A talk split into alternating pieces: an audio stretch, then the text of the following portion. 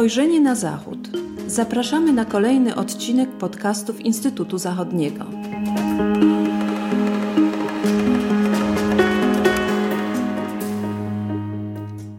Dzień dobry, witam Państwa w podcastach Instytutu Zachodniego. Z tej strony Patrycja Teper. W dzisiejszym odcinku porozmawiamy na temat uchodźców ukraińskich w Niemczech. Moim i Państwa gościem jest Wiktor Sawinok, analityk w Instytucie Zachodnim. Dzień dobry, Wiktorze. Dzień dobry. Zacznijmy od liczby. Ile osób z Ukrainy znajduje się obecnie w Niemczech i jakie są cechy charakterystyczne tej grupy? Na koniec września tego roku, jak podaje niemieckie Ministerstwo Spraw Wewnętrznych, jak podaje Centralny Rejestr Cudzoziemców w Niemczech, na terenach Niemiec znajduje się ponad milion osób, a dokładnie jest to milion dziewięćdziesiąt dziewięć tysięcy 905 osób i większość z tych uchodźców znajduje się w Niemczech na podstawie tych przepisów, które uruchomione zostały jeszcze na początku marca zeszłego roku w związku z rosyjską agresją przeciwko Ukrainie na poziomie Unii Europejskiej, co oznacza, że e, uchodźcy ukraińscy w większości otrzymali status tak zwanych uchodźców od wojny e, i właśnie na tych podstawach większość e, z tych osób przebywa na terenach Niemiec, no to prawie 900 tysięcy. E, rozumiem, że większość tych uchodźców to są kobiety. Jak to wygląda procentowo? Procentowo jest tak, że 66% uchodźców to rzeczywiście kobiety, no pozostałe 34% to mężczyźni. No też należy wskazać, że jest bardzo wysoki procent e, uchodźców e, w wieku do 18 lat, e, ponieważ w tym przypadku chodzi o mm, prawie 350 tysięcy, a dokładnie 347 tysięcy uchodźców, którzy są w wieku do 18 lat. No i 38% tych osób stanowią też dzieci w wieku od 6 do 11 lat, czyli są to osoby, które są objęte w Niemczech tak zwanym obowiązkiem szkolnym, więc też należy wspomnieć o tym, że tamte dzieci są zobowiązane do uczęszczenia do niemieckich szkół i no prawie 90% z nich to robi. Skoro już zaczęliśmy mówić o szkole, szkole, chciałabym zapytać, jak to wygląda w Niemczech? Dobrze wiemy, że są problemy z miejscami w szkole, w szkołach, z personelem. Czy przybycie uchodźców z Ukrainy, tutaj dzieci, rodzin, pogłębiło ten problem? I jak wygląda nauka ukraińskich uchodźców obecnie w Niemczech? E, tak, to prawda. Przybycie ukraińskich uchodźców e, niestety pogłębiło już te problemy, które istniały w Niemczech e, w ciągu, no, można powiedzieć, że lat, jeżeli nie dekad, ponieważ po pierwsze należy wspomnieć o tym, że system edukacji szkolnej jest w Niemczech bardzo zdywersyfikowany ponieważ mamy do czynienia z państwem federatywnym, to znaczy, że mm, każda e, każdy z niemieckich e, krajów e, związkowych, czyli niemieckich landów, ma swój własny system edukacji. Często jest tak, że nawet ilość lat, które, które standardowo spędzają uczniowie w szkołach e, jest też różna, w zależności od krajów związkowych. Gdzieś to może stanowić 12, gdzieś 13 lat, e, gdzieś też są różne wymogi do tych osiągnięć i, i programowych podstaw, które należy osiągnąć w ciągu szkolnej nauki. I rzeczywiście rzeczywiście e, są e, duże problemy i, z jakością nauczania i też z jakością tych rezultatów, które e, osiąga- osiągają uczniowie po zakończeniu różnych etapów nauki szkolnej. No, uważa się na przykład, że najlepszy system jest w Bawarii, jeżeli chodzi o te rezultaty, które osiągają uczniowie Mm, a największe problemy są w Berlinie i w e, krajach związkowych e, takiego północnego zachodu Niemiec, czyli na przykład na, na Drenii e, północnej Westfalii i innych krajach związkowych. No, jeżeli chodzi o integrację ukraińskiej dzieci do niemieckiego systemu, to tutaj można wspomnieć o tym, że Niemiecki Instytut Gospodarki pod koniec maja 2022 roku wskazał, że w szkołach potrzeba od 13 tysięcy do 19 tysięcy dodatkowych nauczycieli, tylko dlatego, by uczyć e, nowych, e, nowych uczniów. I to znaczy, że mm, jest potrzeba zatrudniania, jest potrzeba też e, uzyskania dodatkowych finansów na to, by E, by te potrzeby w jakiś sposób e, w jakiś sposób e, no, ogarnąć, że tak powiem. I teraz stanem na pierwsze półrocze zeszłego czy bieżącego roku. Wszystkie kraje związkowe podają, że zatrudniły one nowych nauczycieli, innych też pracowników pedagogicznych. E, często zdarza się tak, że na przykład e, uchodźcy z Ukrainy, które są nauczycielami e, właśnie w systemie ukraińskim, niestety przez to, że, że istnieje bardzo E, wysoki poziom e, formalnych wymogów do tego, by nostryfikować ukraiński dyplom nauczycielski w Niemczech i dostać prawo wykonywania zawodu e, nauczycielskiego w Niemczech, więc oni nie mogą być zatrudnieni jako nauczyciele w Niemczech, ale są zatrudniani jak na przykład asystenci nauczycieli, nauczycieli albo jak pomocnicy językowi i tak dalej. Sprachmittler po niemiecku to się nazywa. E, I często też tak się zdarza, że przywracano e, emerytowanych nauczycieli i są też e, różne historie, że na przykład nauczyciele, chyba to były Badeni, Badeni Württembergi, przywracane i, e, i też e, musieli ponownie, e, mimo tego, że tam ponad 40 lat spędzili w tym zawodzie, na przykład składać ślubowanie nauczycielskie. Dlatego, by, dlatego, by uczyć dzieci, a przed tym, jak, jak właśnie składali ślubowanie, też nie mieli prawa, nie mieli prawa uczyć. I to był taki, taki kuriozum. E, że musieli też jechać do e, Stuttgartu i składać e, ponownie to, to ślubowanie. Też są informacje na przykład o tym, że przybycie ukraińskich uchodźców przyczyniło się do tego, że w niektórych krajach związkowych powstały kolejki do do szkół średnich e, i no, dotyczy to na przykład Berlina albo też e, Nadrenii, Nadrenii e, Północnej Westfalii i no, tam są listy oczekujących na miejsca w szkole i też, też są inne problemy.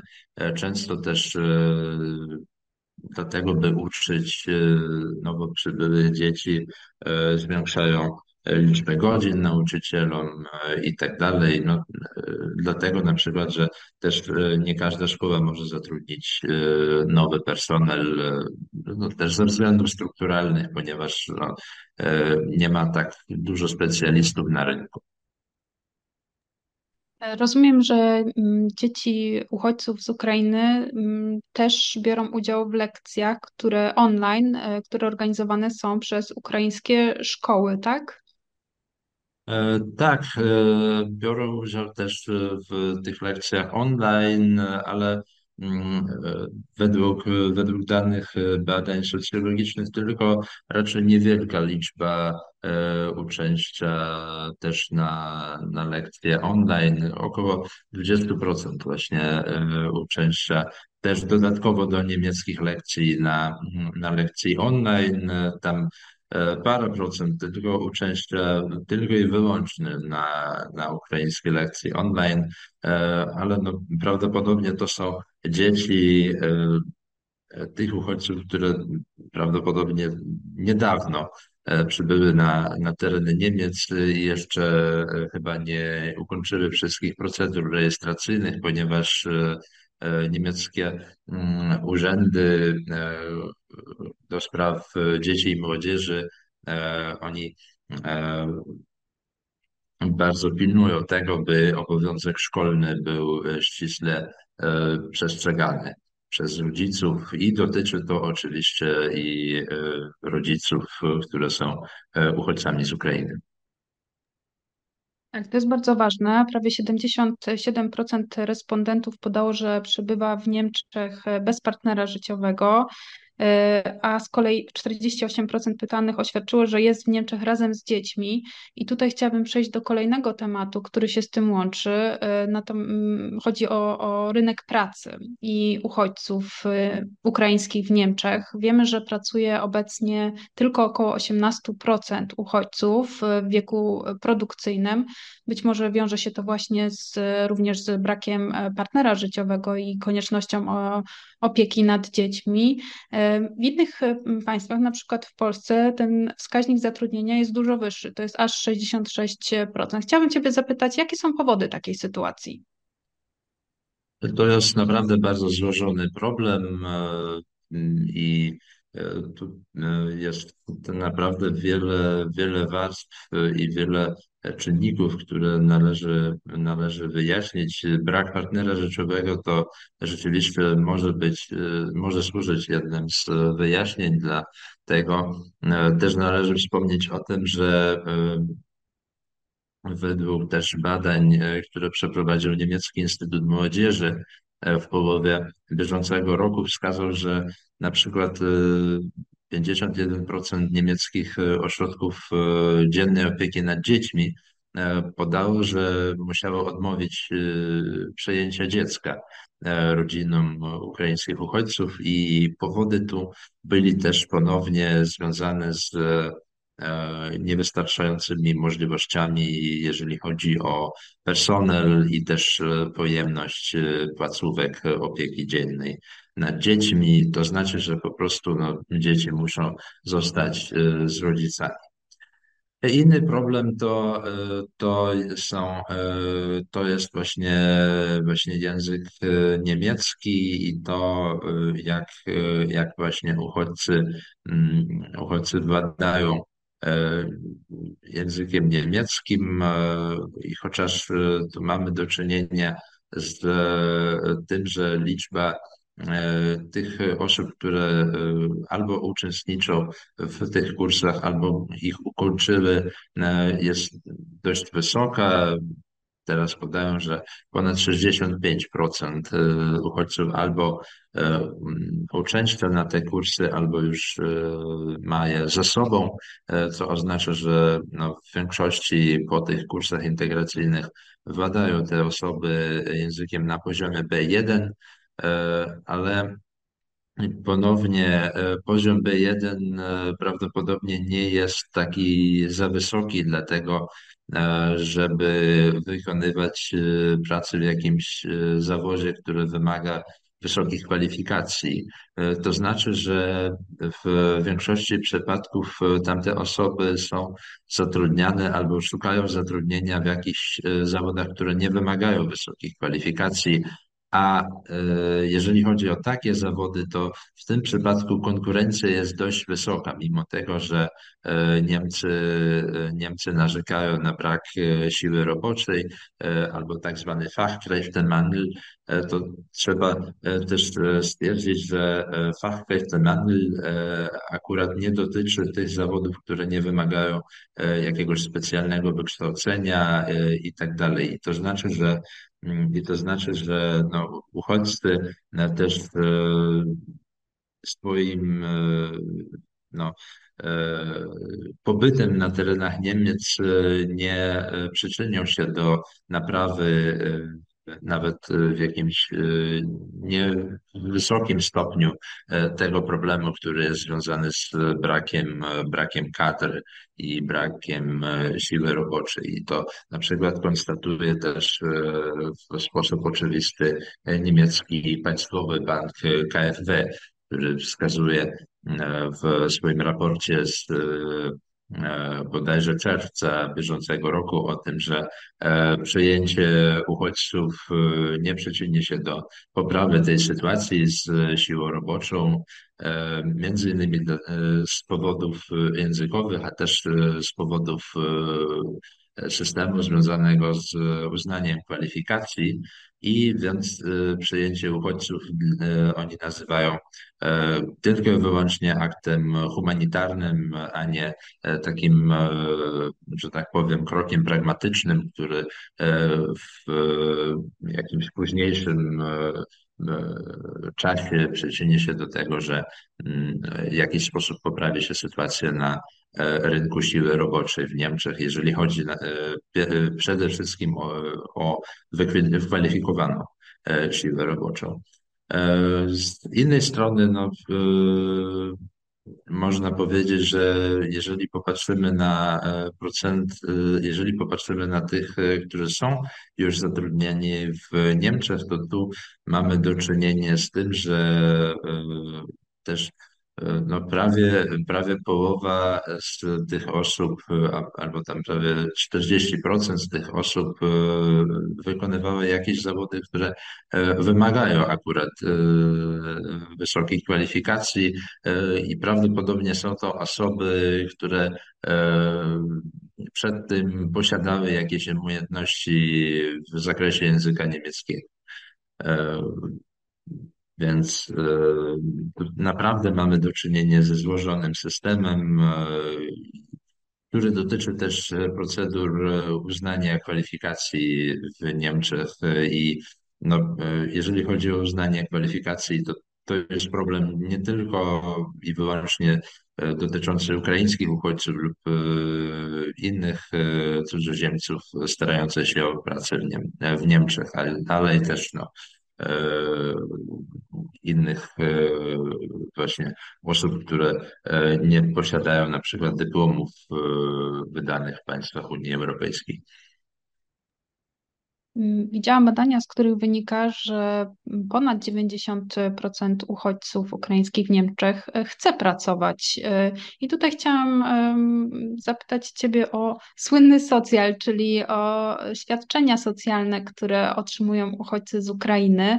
I czy faktycznie wygląda to tak, że jak próbuje, próbują partie takie jak AfD mówić, że nie opłaca się pracować uchodźcom z Ukrainy i czy oceniasz, że to też jest jakiś powód, dla którego niski procent jest zatrudnionych. E, jeżeli chodzi o socjal, to e, socjal on e, można powiedzieć, że pozwala na zadowolenie tylko takich podstawowych potrzeb, czyli no, socjal w niemieckim rozumieniu e, oznacza oczywiście też, e, też zadowolenie potrzeb na przykład mieszkaniowych, ponieważ e, osoby albo dostają dopłaty na zamieszkanie, albo no po prostu mają mieszkania, które są opłacane przez albo urzędy pracy, jeżeli chodzi o osoby w wieku produkcyjnym, albo przez, przez urzędy do, e, do spraw socjalnych, do spraw opieki społecznej e, i w, mm, w tym przypadku chodzi o emerytów. Jeżeli chodzi a propos emerytów, to też Niemcy w tym przypadku korzystają się z jakby E, ukraińskiego e, systemu obliczenia tego, kto jest emerytem, czyli e, kierują się ukraińskim wiekiem emerytalnym, a nie niemieckim, więc osoby na przykład, które w Niemczech teoretycznie nie mogliby no, pretendować na emeryturę. W Niemczech faktycznie są równi emerytom niemieckim, mimo tego, że jeszcze nie osiągnęli wieku emerytalnego w 65 lat. I no, rzeczywiście ten, ten system jest z jednej strony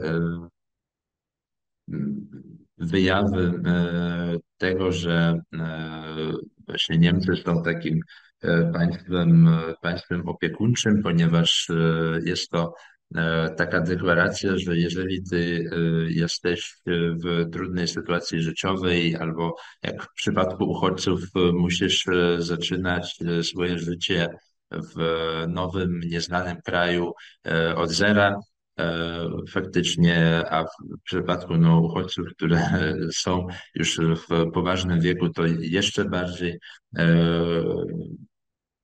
wymagające wyzwanie, to, to oznacza, że państwo, państwo w tym cię wesprze. I właśnie na tym, na tym polega, na tym polega właśnie idea, która e, stoi, że tak powiem, za tym socjalem i e, też e, za tym, dlaczego ten socjal dostają też uchodźcy.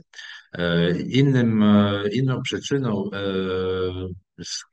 właśnie w związku z którą uchodźcy dostają socjal, są też, jest też status prawny uchodźców z Ukrainy, ponieważ no, na mocy dyrektywy Unii Europejskiej 2001 roku, która została uruchomiona 4 marca zeszłego roku, e, kiedy było to stwierdzono masowy napływ e, uchodźców wojennych z Ukrainy. E, Niemcy też uruchomili paragraf 24 swojej ustawy o pobycie, zatrudnieniu i integracji cudzoziemców albo tak zwanym Aufenthaltsgesetz, i właśnie na mocy, na mocy tej ustawy e, Ukraińscy uchodźcy w chwili obecnej otrzymują e, zezwolenia na pobyt czasowy w Niemczech, e, które pozwalają na po pierwsze dostęp do rynku pracy,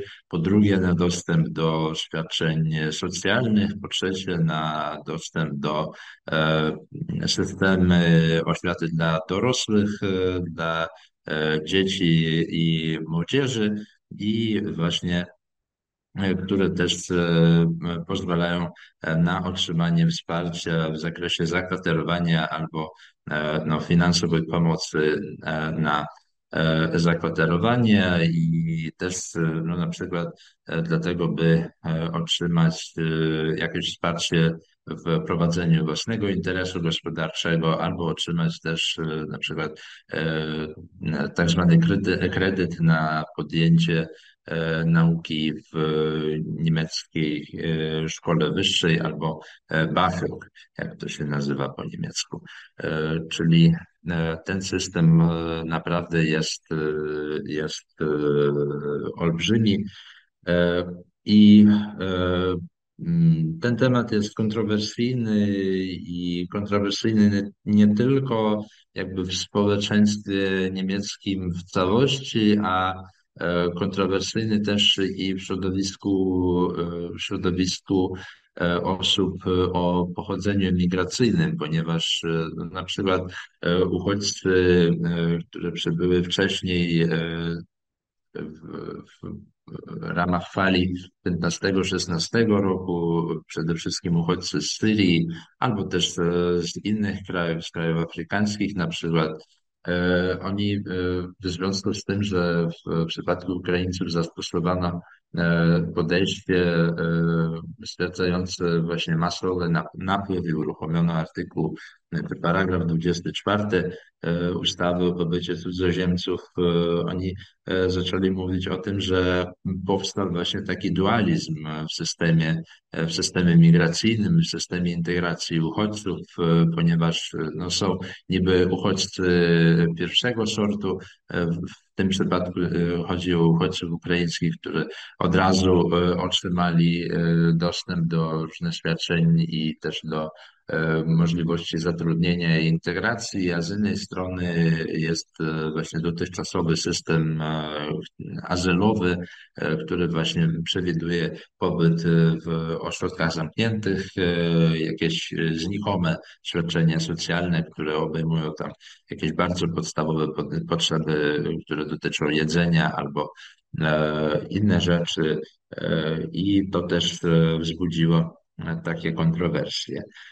Z jednej strony oczywiście zwraca się, zwraca się uwagę i, i na, na tle mm, obecnych e, debat budżetowych o tym e, właśnie, e, co można, można byłoby zrobić w kierunku mm, tego, by właśnie trochę odciążyć ten system świadczeń socjalnych, no, ale Należy wspomnieć, że po pierwsze większość y, uchodźców ukraińskich, y, argument kluczowy w tym przypadku jest, to, jest taki, że komuny niemieckie i, i właśnie budżety niemieckich krajów związkowych są przeciążeni w związku z tym, że e, jest presja migracyjna, ale w przypadku, ale ukraińskich uchodźców to e, właśnie mm, nie dotyczy tak bardzo, ponieważ e, potrzeby związane z ukraińskimi uchodźcami są finansowane w większości z budżetu federalnego, ponieważ dlatego, że uchodźcy z Ukrainy otrzymują świadczenia przez urzędy pracy, E, to znaczy, że świadczenia te finansowane są przez e, Federalną Agencję do Spraw Pracy albo Bundesagentur für Arbeit. E, to jest federalna agencja, która jest finansowana z budżetu właśnie Republiki Federalnej Niemiec. I to znaczy, że to jest finansowane ze wspólnego budżetu, a nie z budżetu E, krajów związkowych. E, jedyne, e, co, co mają finansować samorządy, to, to są koszty związane z zakwaterowaniem. I w tym przypadku no, rzeczywiście jest potrzeba pewnego, pewnego odciążenia, ale, ale to, jest, to jest naprawdę skomplikowany temat, gdyż no, w tym przypadku e, nie ma takiego e, jednolitego rozwiązania, e, które mogłoby być akceptowalne zarówno dla, dla samorządów, jak i właśnie dla tych osób, które na przykład jeszcze nie zdążyli znaleźć pracy albo na przykład też e, no, nie mogą się zatrudnić na, e, na jakieś e, stanowiska, które pozwoliłyby im samodzielnie na przykład wynajmować mieszkania i zabezpieczyć właśnie potrzeby. Jeszcze krótko nawiązując właśnie do sytuacji mieszkaniowej uchodźców z Ukrainy w Niemczech, Większość mieszka, nie mieszka w miejscach czasowego pobytu dla uchodźców, tak jak uchodźcy z innych państw starających się o azyl. Jak to wygląda? E, tak, w większości uchodźcy z Ukrainy nie mieszkają w ośrodkach, w ośrodkach strzeżonych e, i e, właśnie większość z nich zakwaterowana jest albo w lokalach prywatnych, albo mieszkania socjalne, więc tylko tam około 15% y, tych uchodźców zamieszkuje jakieś ośrodki zbiorowego zamieszkania. E, I to znaczy, że e, to znaczy, że e, że jest trochę e, też przeciążony, e, przeciążony przez e, napływ uchodźców system związany z dostępem do lokali socjalnych i do mieszkań, które są dofinansowane przez samorządy. I no, to, już, to już wspomniałem o tym trochę wcześniej, ale,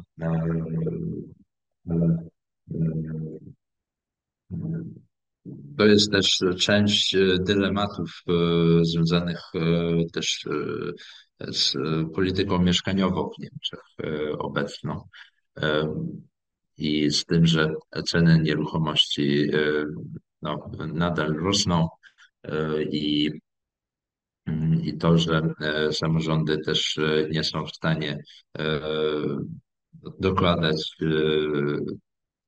dużo kosztów też na budowę lokali socjalnych, czyli mimo wysokiego zapotrzebowania na, na te mieszkania jest też wysoki poziom konkurencji po prostu o te mieszkania. Należy też wspomnieć o tym, że tak samo jak i w Polsce po, e, krótko po wybuchu wojny e, Niemcy też e, ogarnęła taka solidarność z uchodźcami z Ukrainy, przede wszystkim na poziomie prywatnym, czyli w ciągu pierwszy, pierwszego półrocza od, od wybuchu wojny Niemcy przyjmowali bardzo aktywnie Ukraińców również w swoich mieszkaniach i tych, e, tych e, badań socjologicznych, e, które obejmują też Niemców, które oferowali możliwość zakwaterowania w swoich lokalach uchodźcom z Ukrainy, to też są dość pozytywne sygnały w tym przypadku, ponieważ no, około 80% badanych wspomniało o tym, że gdyby taka sytuacja powstała ponownie, e, to oczywiście też ponownie e, zaoferowaliby własne, własne lokali e, Ukraińcom i no, mieli też dość pozytywne doświadczenie, jeżeli chodzi o to, że E, Ukraińcy właśnie e, no, czasowo e, przebywali w ich mieszkaniach. Z jednej strony nadal, mimo tego, że niby względna liczba osób, które przebywają w ośrodkach zbiorowego zakwaterowania jest niewielka statystycznie, ale mimo tego większość z tych centrów jest przeciążona i no, na przykład w Bawarii czy w Berlinie władze lokalne podają o tym, że e, infrastruktura tych centrów e, jest, e, jest obłożona na prawie 90%. W innych krajach związkowych są wskaźniki 85 i 70%, więc też jest potrzeba chyba tworzenia nowych e, miejsc w ośrodkach recepcyjnych i też e, kraje związkowe wskazują, że e, utworzono od marca 2022 roku około 70 tysięcy miejsc czasowego pobytu dla uchodźców. No, w Berlinie na przykład kluczowym takim centrum recepcyjnym jest byle lotnisko Tegel.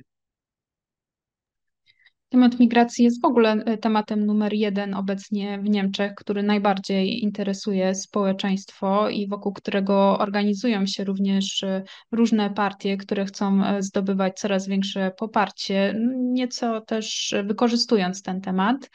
Sytuacja przyjęcia tak dużej liczby uchodźców z Ukrainy w różnych państwach Unii jest też tym ciekawsze, że pozwala nam e, porównywać wydolność systemów poszczególnych e, państw i różnic, jakie pojawiają się w tym kontekście. Dlatego będziemy się przyglądali temu tematowi nadal. Wiktorze, dziękuję za rozmowę. Państwu dziękuję za uwagę i zapraszam do słuchania kolejnych odcinków podcastów Instytutu Zachodniego i śledzenia naszych social mediów. Dziękuję.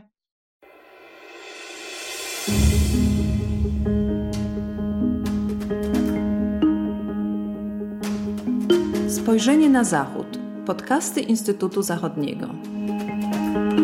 Podcasty Instytutu Zachodniego dostępne są na platformach Spotify, SoundCloud i Apple Podcasts oraz na portalu YouTube. Zapraszamy do subskrypcji. Dzięki niej będą Państwo na bieżąco z wszystkimi naszymi nagraniami.